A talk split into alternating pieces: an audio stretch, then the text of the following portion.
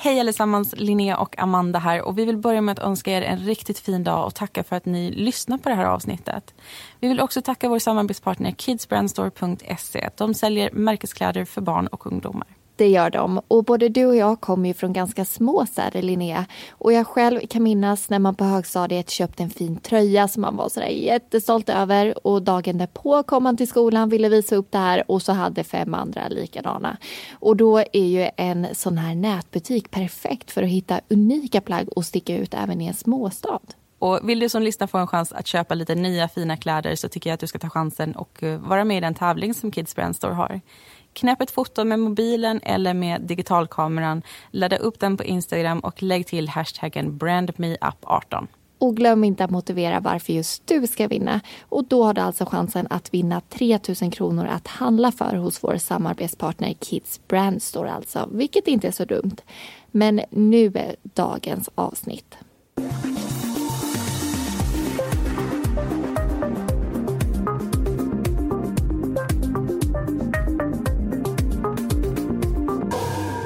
Fredagen den 17 juni 2016 pratar en kvinna i telefon med sin exman.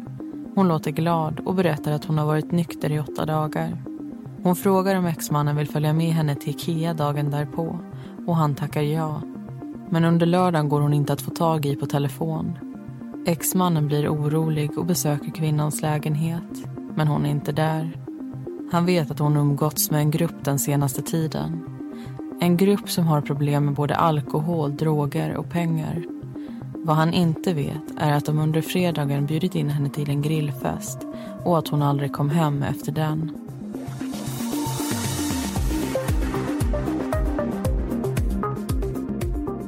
Du lyssnar på Mordpodden och i säsong 6 tar vi upp fall från Dalarna. I veckans avsnitt ska du få höra berättelsen om gruppmordet del 1.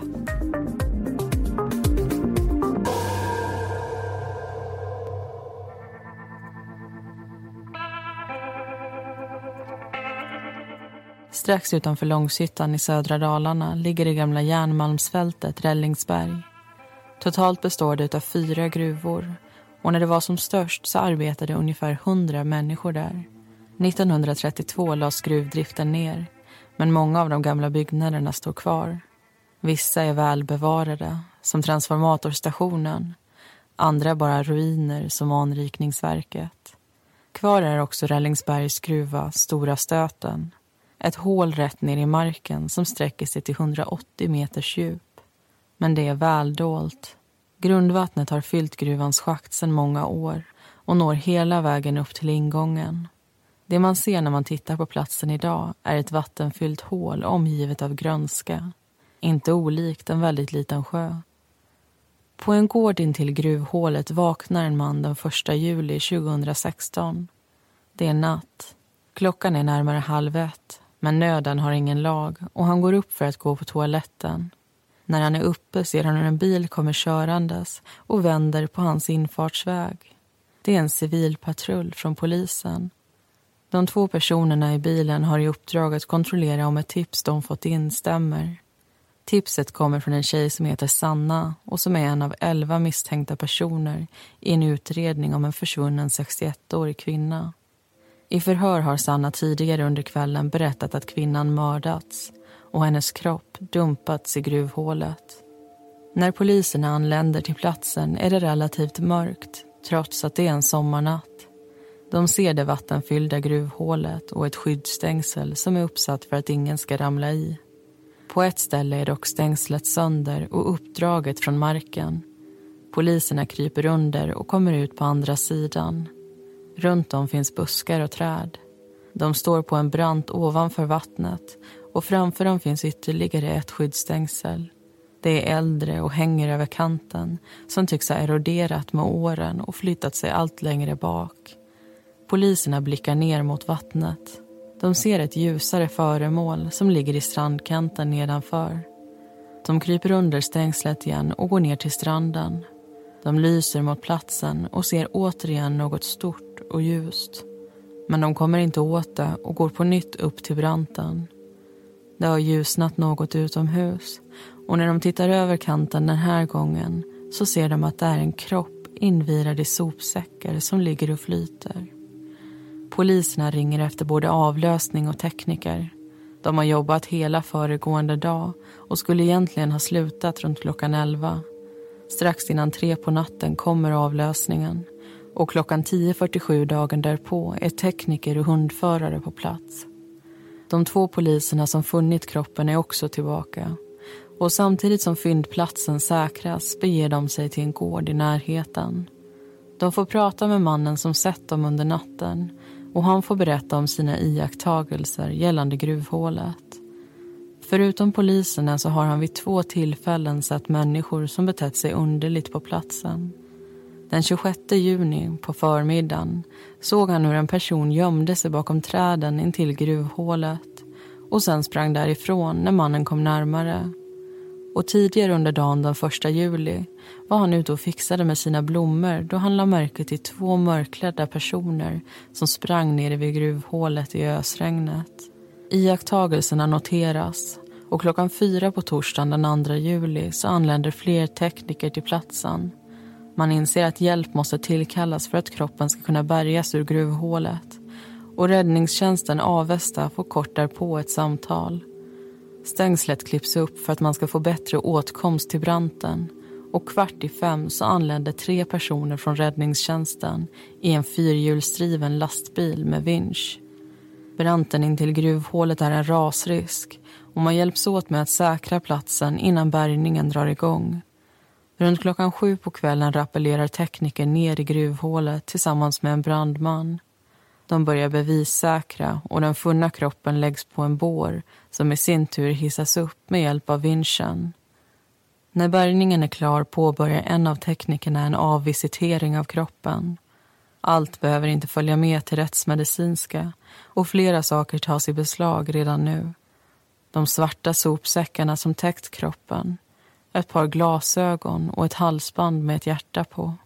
I byxfickorna hittar man en nyckelknippa och en tändare. Teknikerna kan också konstatera att det är en kvinna de funnit och att hon har skador på sin rygg och över halsen. På ryggen syns också en tatuering. Kvart i nio på torsdagskvällen anländer den bårbil som ska köra kroppen till Rättsmedicinalverket i Uppsala. Papper fylls i och stängslet repareras tillfälligt. Därefter försvinner både kropp och personal från gruvhålet. Den 3 juli tar polisen kontakt med en person som heter Christian. Ett antal dagar tidigare hade han anmält sin exfru försvunnen och man visar nu honom två fotografier. Det ena föreställer ett halsband med ett hjärta. Det andra en ryggtatuering. Christian berättar att tatueringen gjordes för ungefär ett halvår sedan av en person som var skyldig Madeleine pengar. Med det bekräftar han för polisen att det är hans exfru de funnit död.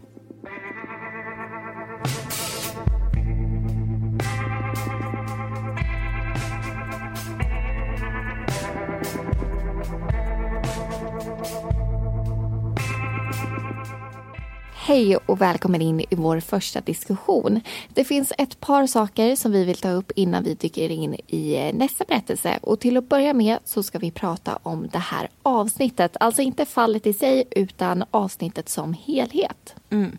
Och Det här är ju vårt första dubbelavsnitt, någonting som ni säkert kunde utläsa när ni läste titeln, Gruppmordet del 1. Och Det kommer alltså komma en del två också och den kommer nästa söndag och då får vi också avslutningen på det fall som vi kommer börja ta upp idag. Och anledningen till att vi gör just ett dubbelavsnitt beror på att utredningen i det här fallet är väldigt, väldigt stor. Det är mycket som händer och det är väldigt många personer som är involverade. Men vi lovar att göra vårt bästa för att presentera och reda ut det som sker. Och känner du att du inte vill vänta en vecka på nästa avsnitt så kan du faktiskt pausa det här nu och spara det till nästa avsnitt har kommit ut och så kan du lyssna på dem efter varandra. Mm. Och vi ska också prata om eh, Madeleine, alltså den här 61-åriga kvinnan som polisen alltså funnit död i det här gruvhålet. Hej, jag Ryan Reynolds. Recently, I asked Mint Mobiles legal team if big wireless companies are allowed to raise prices due to inflation. They said yes. And then when I asked if raising prices technically violates those onerous two-year contracts, they said, what the f*** are you talking about, you insane Hollywood ass?" So to recap, we're cutting the price of Mint Unlimited from $30 a month to just $15 a month. Give it a try at mintmobile.com slash switch. $45 up front for three months plus taxes and fees. Promo for new customers for limited time. Unlimited more than 40 gigabytes per month. Slows. Full terms at mintmobile.com.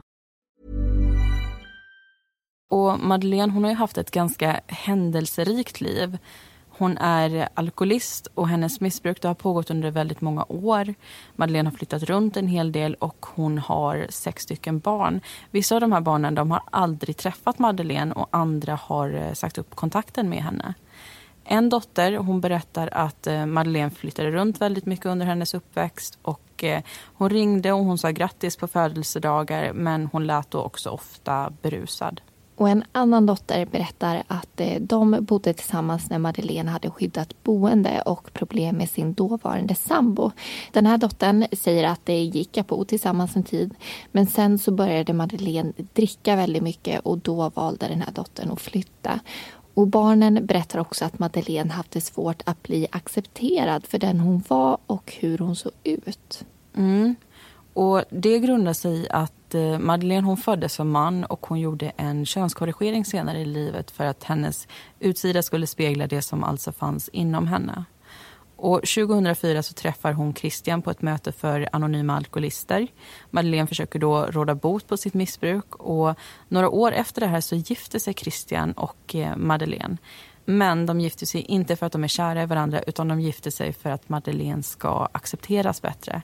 De är helt enkelt vänner och eh, Christian vill hjälpa henne. Men sen så får Madeleine ett återfall och börjar dricka igen. Christian och Madeleine skiljer sig och hon börjar flytta runt. Ett tag bor hon i Norrtälje, en annan gång i Skutskär. Och till slut så flyttar hon till Norge och bosätter sig där. Hon får jobb som busschaufför och blir faktiskt misshandlad på jobbet. Och någon gång under 2013 så flyttar Madeleine tillbaka till Borlänge. Och där bosätter hon sig på en camping i en husvagn. Men i och med att hon dricker och i och med att hon festar en hel del under den här perioden så blir hon eh, avvisad och hon måste åka därifrån. Hon kommer då till en ny camping men hon får inte vara kvar där heller. Och Christian och hon de har ju kontakt under den här tiden och han erbjuder henne att eh, flytta in i en stuga som han äger en bit utanför Borlänge. Madeleine tackar ja och får eh, för stunden i alla fall lite lugn och lite ro. Men det här lugnet håller ju inte i sig och vi har två polisanmälningar som vi tänkte ta upp som beskriver två händelser under den här perioden. Först har vi en som utspelar sig under tiden när Madeleine bor på en av de här campingarna. Den kommer in den 3 augusti 2014 och det är då Christian som tar kontakt med polisen och berättar att Madeleine hotat att ta livet av sig. Han förklarar för polisen att hon har problem med alkoholen och att det har blivit värre den senaste tiden. Man åker ut och man hämtar in Madeleine som vid den här tidpunkten är eh, berusad och hon mår helt enkelt inte bra. Och hon säger att hon vill till Säter och i Säter där ligger det ett eh, behandlingshem. Men de tar inte emot utan de hänvisar istället till någonting som kallas för 65an vilket är ett annat behandlingshem som finns i Falun. Men de vill inte heller ta emot Madeleine. Och har vi förstått det här rätt så beror det på att hon helt enkelt måste nyktra till först. Dagen därpå så släpps Madeleine fri och hon vill då inte längre ha hjälp vilket betyder att det finns inte någonting som polisen kan göra för henne. Nej, och sen så kommer vi då till den andra polisanmälan som görs lite mer än ett år senare i oktober 2015 när Madeleine bor i Christians stuga. Den här gången så är anmälaren en man som berättar att en förvirrad kvinna i 50-60-årsåldern sagt att hennes hus brunnit ner och det är då Madeleine och Christian stuga som mannen beskriver. Och med det sagt så hoppas jag att vi gett er tillräckligt med information kring Madeleine och hennes liv. Så att ni har lite bättre koll när vi alldeles strax fortsätter in i berättelse 2 och tar vid där den här diskussionen slutar.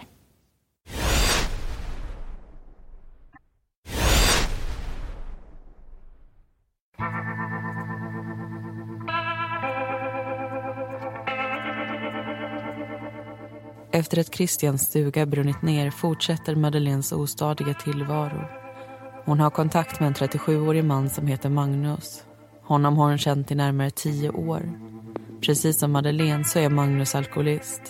För en tid sedan bröt Madeleine bäckenbenet och Magnus hjälpte henne då med mathandling och diverse små saker.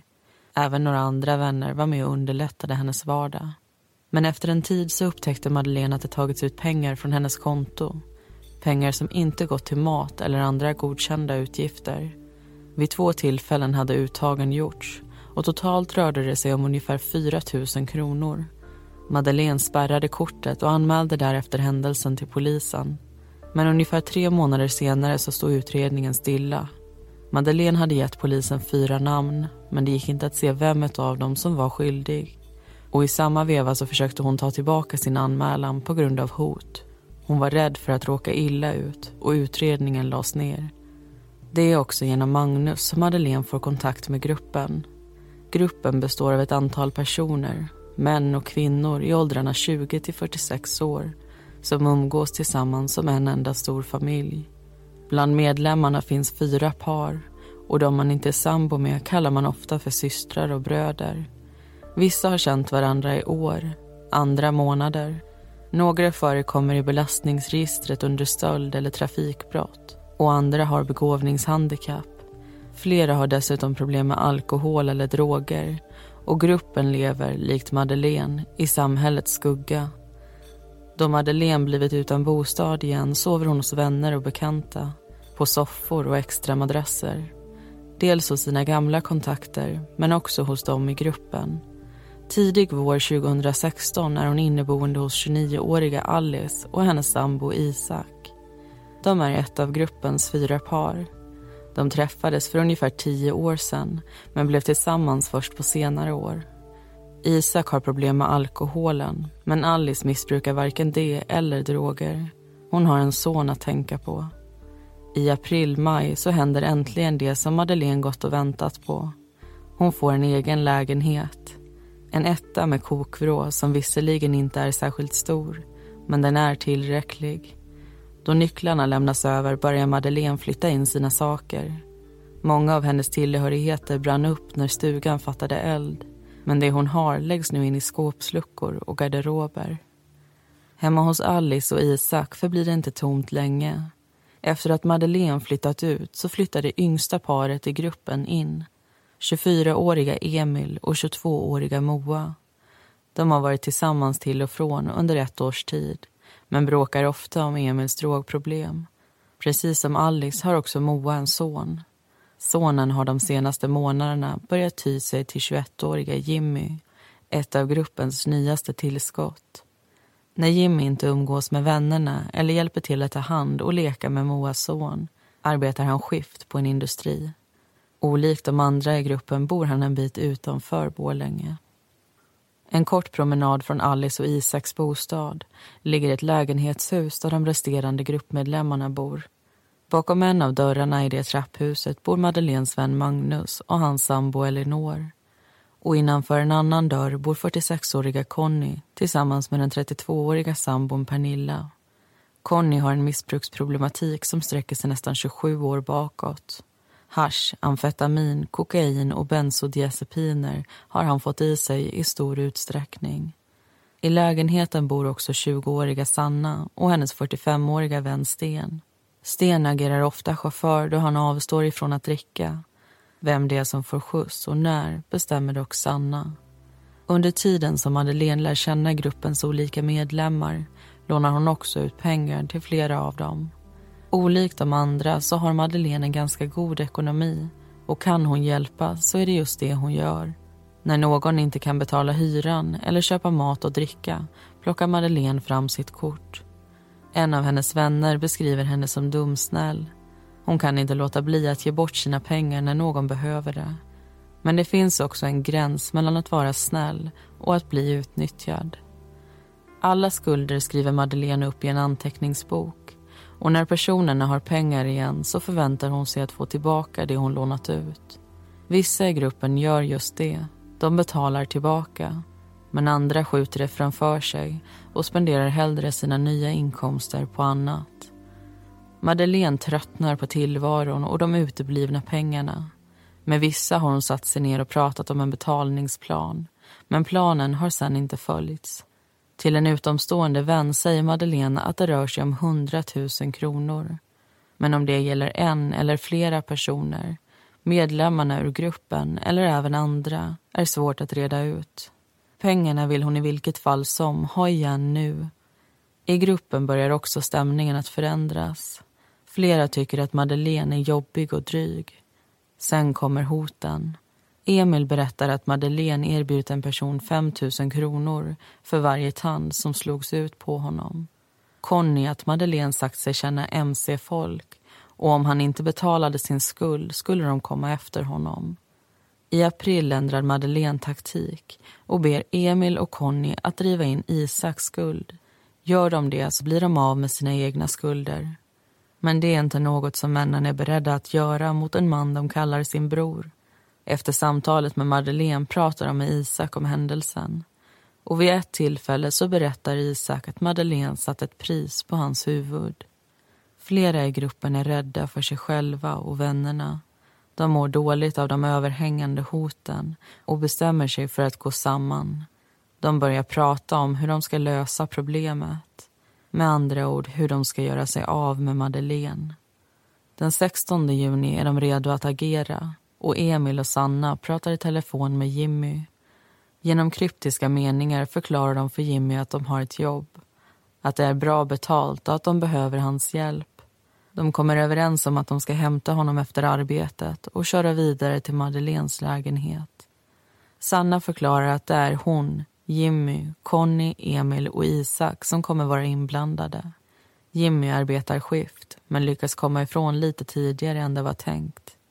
När de kommer till Madeleines lägenhet är klockan närmare halv två på natten. Men Madeleine är fortfarande vaken. Kanske är det det som gör att planen spårar ur. Istället för att attackera Madeleine pratar de med henne. De är bara där en kort stund innan de bestämmer sig för att avbryta och dra hemåt. De säger hej då och stänger dörren efter sig. Men att planen spårade ur den här gången betyder inte att den kommer göra det igen då gruppen gör ett nytt försök.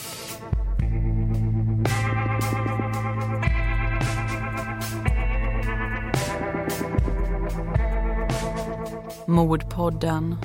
Vi diskuterar verkliga mordfall och det svenska rättssystemet.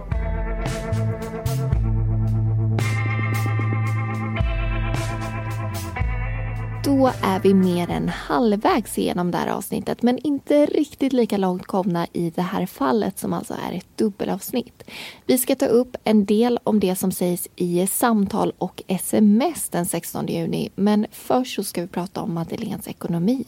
I berättelsen så fick vi höra att eh, flera i den här gruppen hade lånat pengar av henne och att Madeleine hade det lite bättre ställt än de andra. Och det grundar sig i att hon dels får pengar varje månad av Norges version av Försäkringskassan. Och det är någon typ av sjukpenning om jag har förstått det rätt som eh, Madeleine får efter den här misshandeln som hon utsattes för då hon eh, arbetade i Norge. Och det rör sig om ungefär 16 till 18 000 norska kronor efter skatt varje månad.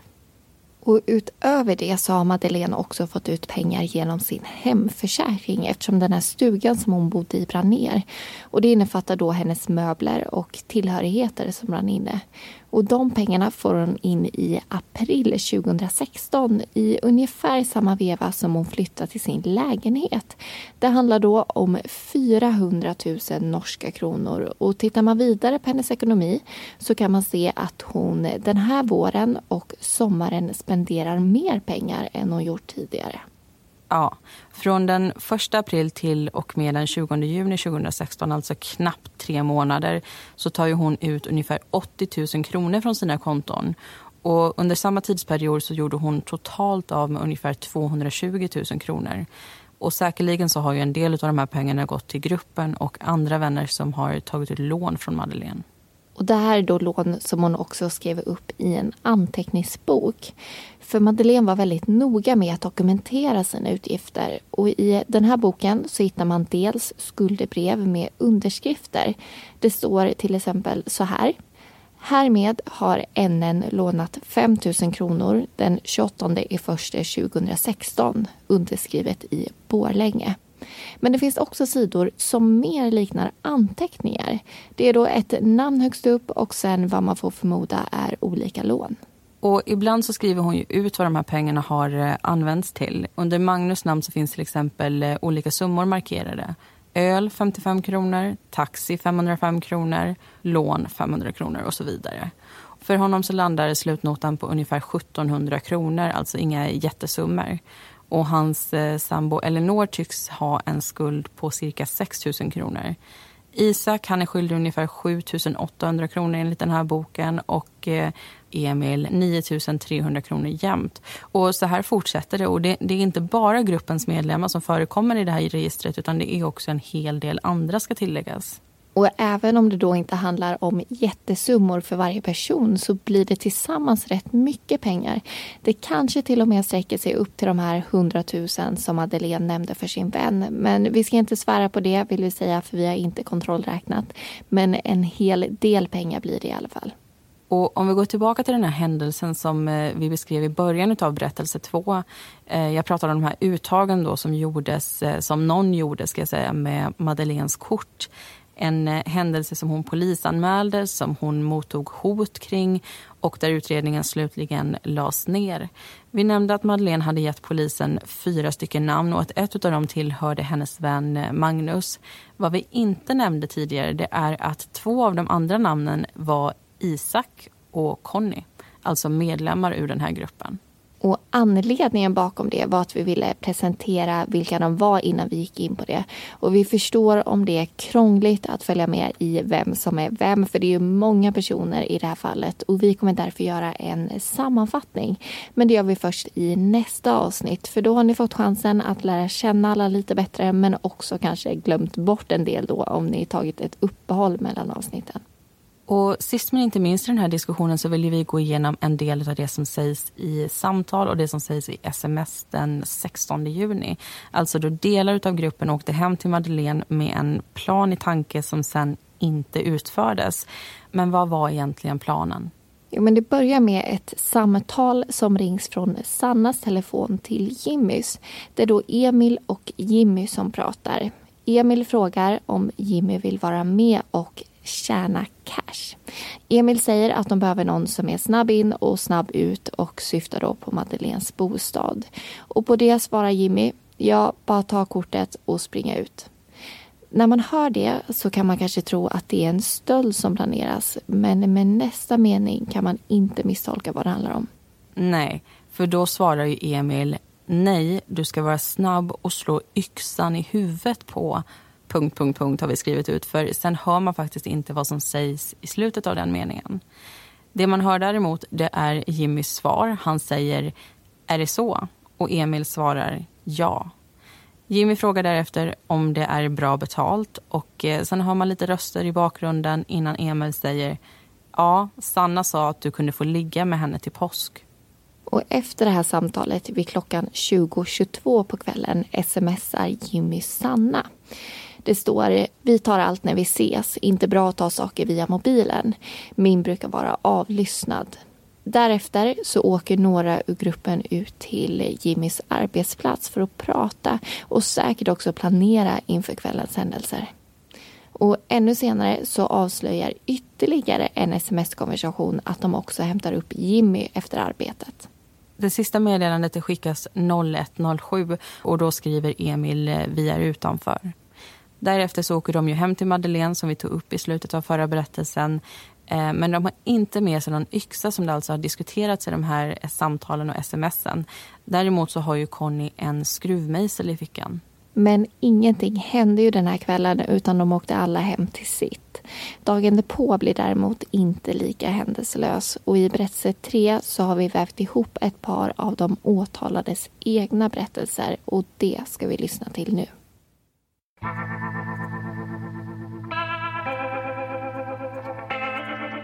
Fredagen den 17 juni 2016 vaknar 22-åriga Moa hemma i Alice och Isaks lägenhet. Runt 11-tiden går hon hem till Conny och Pernilla som bor bara en liten bit därifrån. Nästan hela sällskapet är på plats den dagen. Moa och Emil, Conny och Pernilla, Sanna och Sten samt Isak. Fyra personer saknas för att gruppen ska bli hel.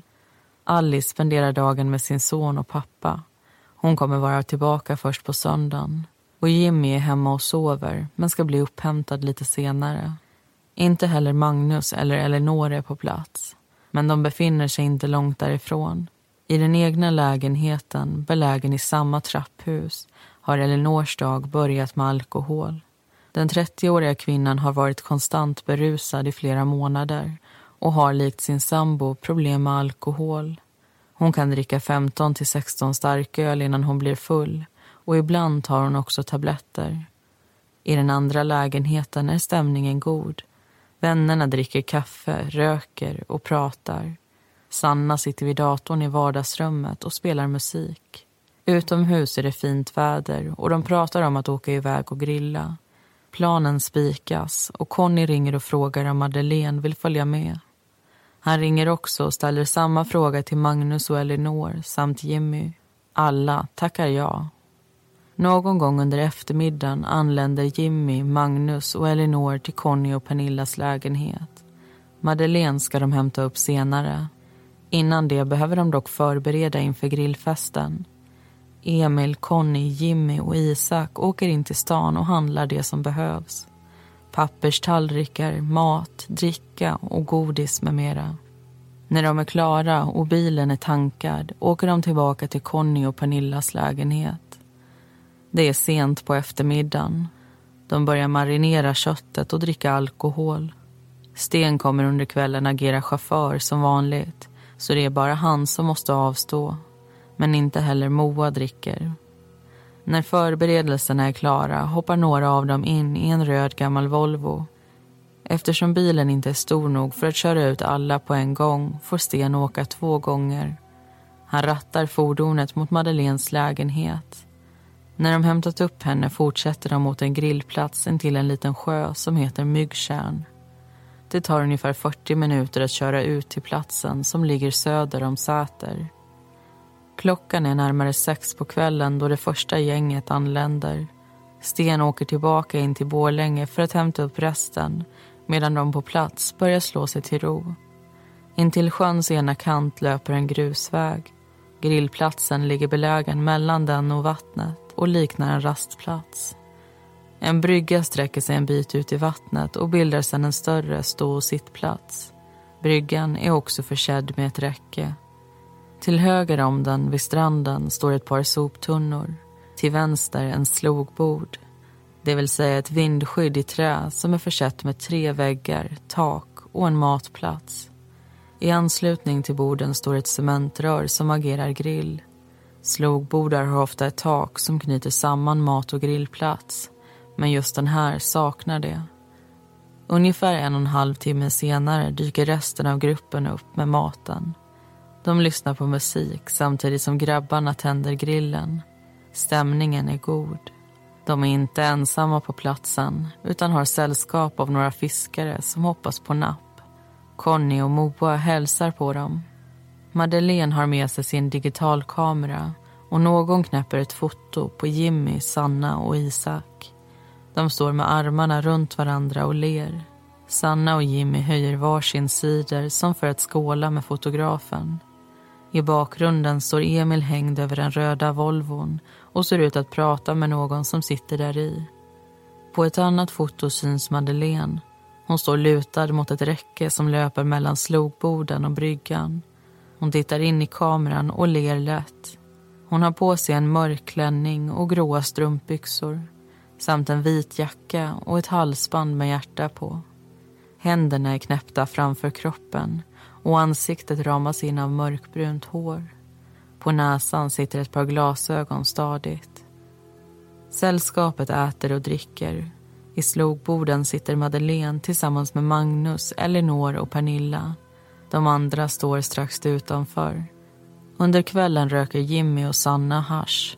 Alla förutom Sten och Moa är påverkade i någon grad.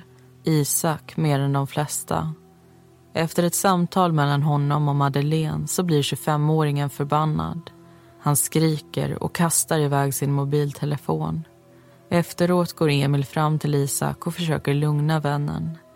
Isak berättar att Madeleine kallat Alice för hora och att det var därför han blev så arg. Flera i sällskapet hade hört henne säga det. Efter en stund så är Isak lugn igen men stämningen på platsen har förändrats. Vid ett tillfälle står Isak, Emil, Conny och Jimmy bakom bilen och pratar. Moa står en bit därifrån och hör hur Conny och Emil viskar. Hon får för sig att det är någonting på gång, men vet inte vad. En stund därefter kommer man överens om att Sten ska skjutsa hem Magnus, Elinor och Pernilla. Magnus har druckit för mycket och mår inte speciellt bra. Elinor är också märkbart berusad. De sätter sig i bilen och Sanna hoppar in hon med. Klockan 23.21 smsar Sanna med Emil. Hon vill egentligen inte åka hem riktigt ännu men det finns inte plats för henne i bilen i den andra rundan. Emil säger att de löser det. Någon får åka i skuffen och Moa kan sitta i hans knä. Då Magnus, Elinor och Pernilla släppts av åker Sten och Sanna därför tillbaka ut till Myggtjärn. En stund senare får Sanna ett sms av Elinor. Hej, tack för ikväll gumman. Sanna svarar detsamma gumman och lägger till ett par hjärtan. När klockan är närmare halv ett på natten kommer två sms till från Elinor. Det står informera mig och snälla. En timme senare skriver hon är det klart och 20 minuter senare svarar Sanna ja. Samma natt kommer Conny hem till Pernilla i sällskap med Sanna, Sten, Moa och Emil. Enligt sms-trafik mellan Sanna och Elinor så ska de även dyka upp hemma hos henne och Magnus. Jimmy och Isak drar istället hem till Jimmys exflickvän.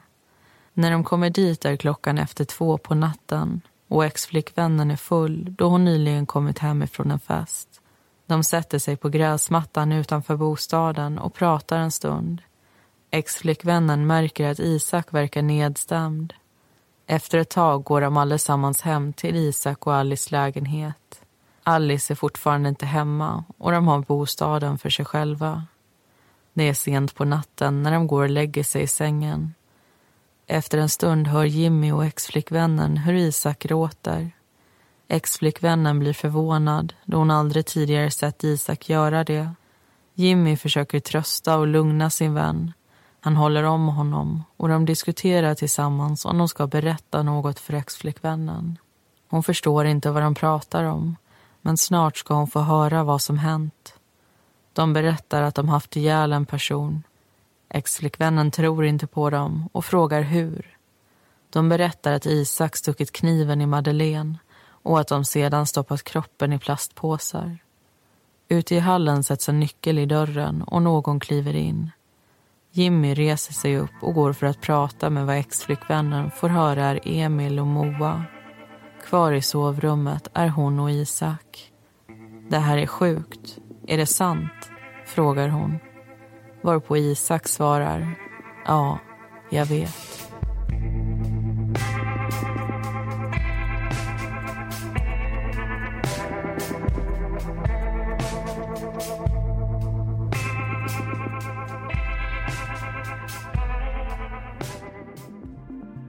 Tack för att du har lyssnat på del 1 av gruppmordet. Alla förutom Madeleine heter egentligen någonting annat och informationen är hämtad ifrån domarna och förundersökningen. Nästa vecka tar vi upp del 2 av fallet. Var med oss då.